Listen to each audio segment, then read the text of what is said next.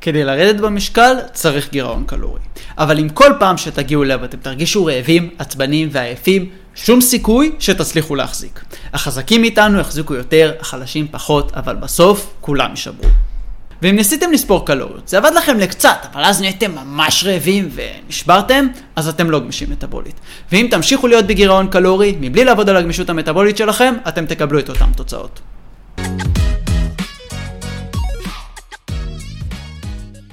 לרדת במשקל זה פשוט, אבל לשמור עליו זה קצת יותר מורכב. בפרק של היום אחשוף בפניכם את השיטה שתעזור לכם לרדת במשקל מבלי לעלות חזרה, וזה תוך כדי שאתם אוכלים את האוכל שאתם אוהבים, ממשיכים ליהנות מהחיים, לאכול במסעדות, חתונות ובילויים, והשיטה הזאת נקראת גמישות מטאבולית. אבל רגע לפני שנדבר על שתי המילים המגניבות האלה, ברוכים הבאים לפרק הראשון בפודקאסט תהיו לי בריאים, שבו תקבלו כלים על איך להיות הגרסה הטובה ביותר שאתם יכולים מבחינת הבריאות, המשקל והמטרות שאתם רוצים להשיג. נעים להכיר. אני אורן ברוידה, מייסד השיטה לירידה ושמירה על המשקל באמצעות שיפור גמישות מטבולית, בוגר תואר מדעי התזונה ומלווה אנשים לירידה במשקל ושיפור הבריאות. המטרה שלי בפודקאסט זה שתקבלו כלים שיעזרו לכם לקחת את הבריאות והמשקל שלכם לשלב הבא, ובתכלס, הסיבה שיצרתי אותו, כי נמאס לי. נמאס לי מהשטויות שאני רואה ברשת, נמאס לי מהתחרות של מי עושה את הסרטון הכי ויראלי במקום לתת ערך אמיתי, נמאס לי לראות את אותם סרטונים עם אותם מסרים רק עם פרצופים משתנים. והכי נמאס לי לקצר. בא לי לדבר הרבה, לחפור ולהסביר לכם את הדברים בצורה יסודית כדי שאתם תבינו. תבינו לא רק מה צריך לעשות, אלא את הלמה שמאחורי הדברים, כדי שתוכלו לעשות החלטות טובות יותר לגבי הבריאות והמשקל שלכם. בעונה הזאת נדבר על למה גירעון קלורי זו אסטרטגיה גרועה לירידה במשקל, מה הפרמטר שיקבע לא רק האם תרדו במשקל, אלא האם תישארו בו אחרי שירדתם. למה הדיאטות שעשיתם עד עכשיו נכשלו, ולמה הן ימשיכו להיכשל אם תחזרו על אותן טעויות. נבין מהי גמישות מטאבולית, שאני כבר מת להסביר לכם את זה, למה סטרס יגרום לכם להשמין, ולמה לעזאזל אתם לא מצליחים לרדת במשקל, למרות שאתם בגירעון קלורי. אני מניח שחלקכם ניסיתם הרבה דברים כדי לרדת במשקל. ספרתם קלוריות, ספרתם נקודות, טבעונות, תזונה ים תיכונית, פליאו, קטו, אולי ניסיתם הרבלייף. אולי חלק מהדברים עבדו לכם יותר, פחות, אבל אם אתם עדיין לא במשקל שאתם רוצים להיות, אז כנראה שמשהו עדיין לא עבד מספיק טוב.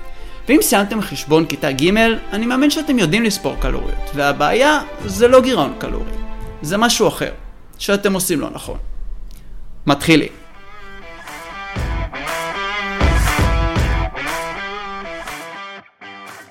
אז כדי להבין איך אפשר לרדת במשקל, בואו נבין איך בכלל הגוף מגיע למצב שהוא שורף שומן. אז זרמו איתי בדמיון ודמיינו מדורה שמורכבת מזרדים, קרשים ובולי עץ. את הזרדים נקביל לסוכר בזרם הדם. הם נותנים לנו אש מהר מאוד, אבל בכמות מאוד קטנה. הם בעצם הסטארטר הראשוני. כמו גם הסוכר בזרם הדם, שאנחנו מפיקים ממנו אנרגיה מהר מאוד, אבל בכמות מזערית, משהו כמו כפית סוכר. המאגר הבא זה מאגרי הקרשים. לוקח קצת יותר זמן להפיק מהם אש, אבל הם נותנים לנו כבר אש בכמות בינונית. אותם נשווה למאגרי הפחמימות בגוף. הם נקראים גם גליקוגן. יש שם פחות או יותר 2,000 קלוריות בצורת גליקוגן, לוקח קצת יותר זמן להגיע אליהם, אבל הם נותנים לנו אנרגיה בכמות בינונית. המאגר השלישי, כמו שאתם יכולים לנחש, זה בולי העץ. לוקח הרבה זמן עד שהם תופסים ועד שהמדורה נדלקת, אבל once הגענו לשם, יש לנו אש לכל הלילה. אותם נשווה כמובן למאגרי השומן. לוקח הרבה זמן עד שאנחנו מגיעים אליהם, אבל once הגענו, יש לנו כמות מטורפת.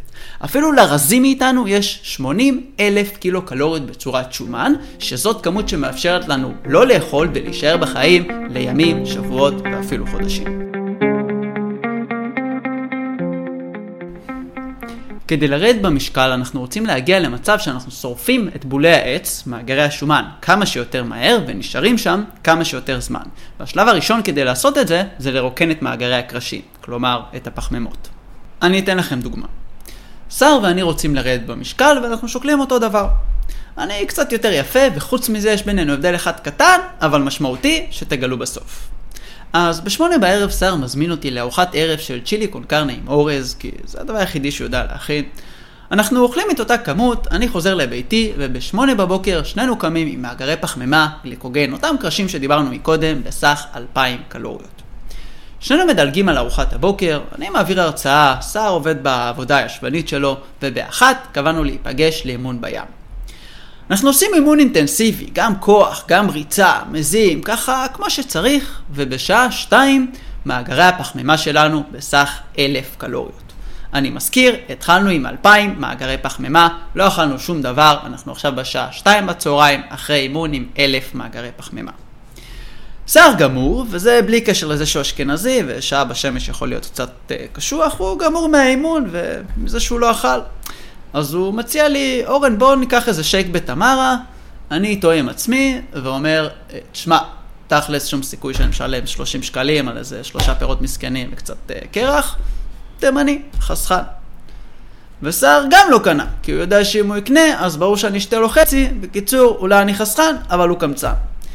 אז סער גמור ונח לו בים, אני מצלם לכם סרטון יפה עם ככה נוף לשקיעה, ובשעה שש בערב אנחנו חוזרים לבית של סער מבלי שאכלנו כלום, עם מאגרי פחמימה של 500.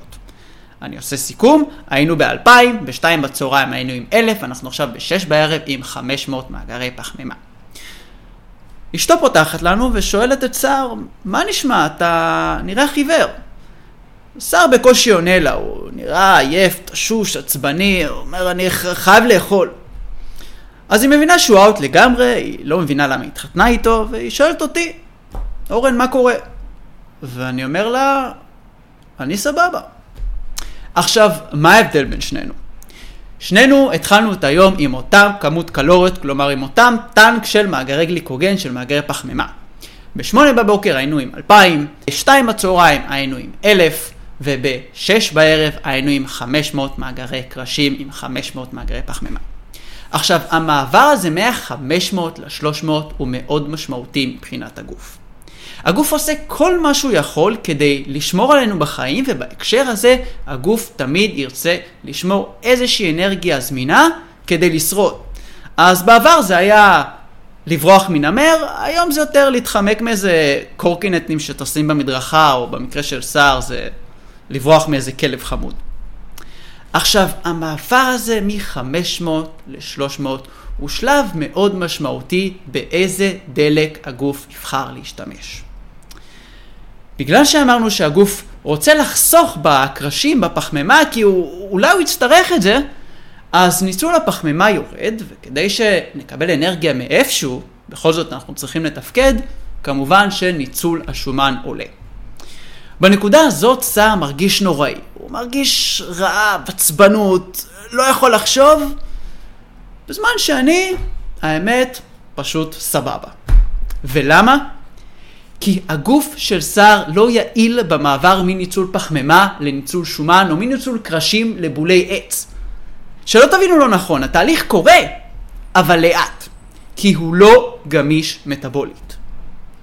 ולמה אני מרגיש כזה סבבה? כי הגוף שלי פשוט עובר לנצל שומן מהר. המעבר מניצול פחמימה לניצול שומן קורה אצלי ככה, והסיבה לכך היא אני גמיש מטאבולית.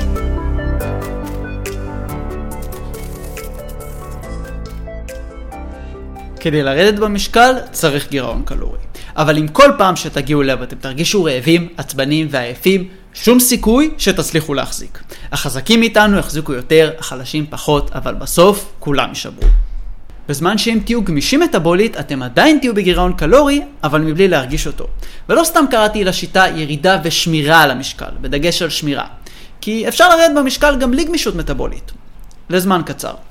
ואם ניסיתם לספור קלוריות, זה עבד לכם לקצת, אבל אז נהייתם ממש רעבים ונשברתם, אז אתם לא גמישים מטאבולית. ואם תמשיכו להיות בגירעון קלורי, מבלי לעבוד על הגמישות המטאבולית שלכם, אתם תקבלו את אותן תוצאות.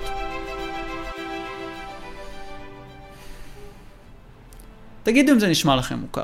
סבלתם, ירדתם במשקל, קניתם בגדים חדשים, הגעתם לאירוע שאתם רוצים, עשיתם תמונת פרופיל חדשה, ודי. המטרה הושגה ונמאס לכם להמשיך לסבול, להיות רעבים, לוותר על הדברים שאתם אוהבים. אז אתם מתחילים לשחרר את המשמעת ברזל, את השקילות השבועיות, את הכפתור במכנס. והבאסה הכי גדולה, וצר לי לבשר לכם אותה, של כל לופ כזה של ירידה ועלייה במשקל, יגרום לניסיון הבא שלכם להיות יותר ויותר קשה. אבל יש לכם מזל גדול שאתם פה, כי בעונה הזאת אני הולך ללמד אתכם את כל מה שדרוש כדי שתוכלו לרדת במשקל, להישאר בו, וזה תוך כדי שאתם נהנים מהחיים, אבל באמת נהנים. מסעדות, ארוחות והבילויים שאתם אוהבים, וכל זה בלי לסבול. וגם בלי לעבוד בזה ובלי לתכנן מה לאכול, כמה ובאיזה שעה. פשוט לחיות את החיים שלכם, תוך כדי שאתם יורדים במשקל.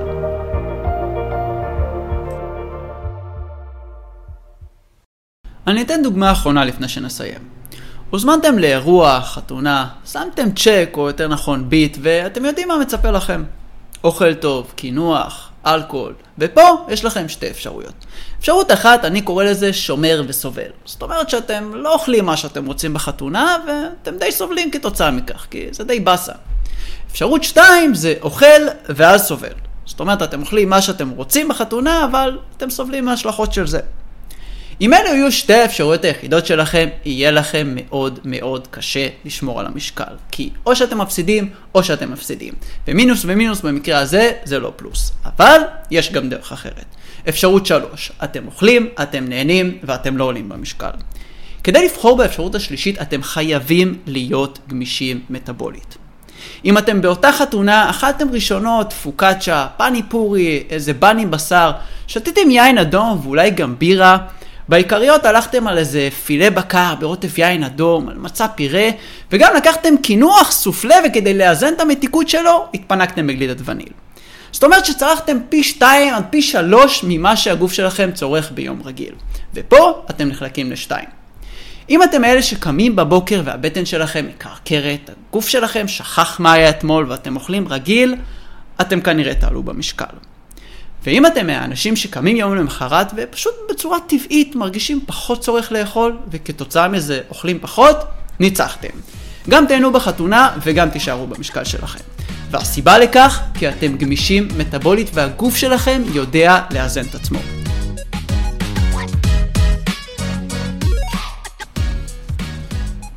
אז תודה רבה לכם על ההקשבה, ואם יש לכם עוד שאלות על הפרק, מוזמנים לחפש אותי ברשתות החברתיות בשם שלי אורן ברוידה עם א' בסוף, או בקישורים כאן למטה.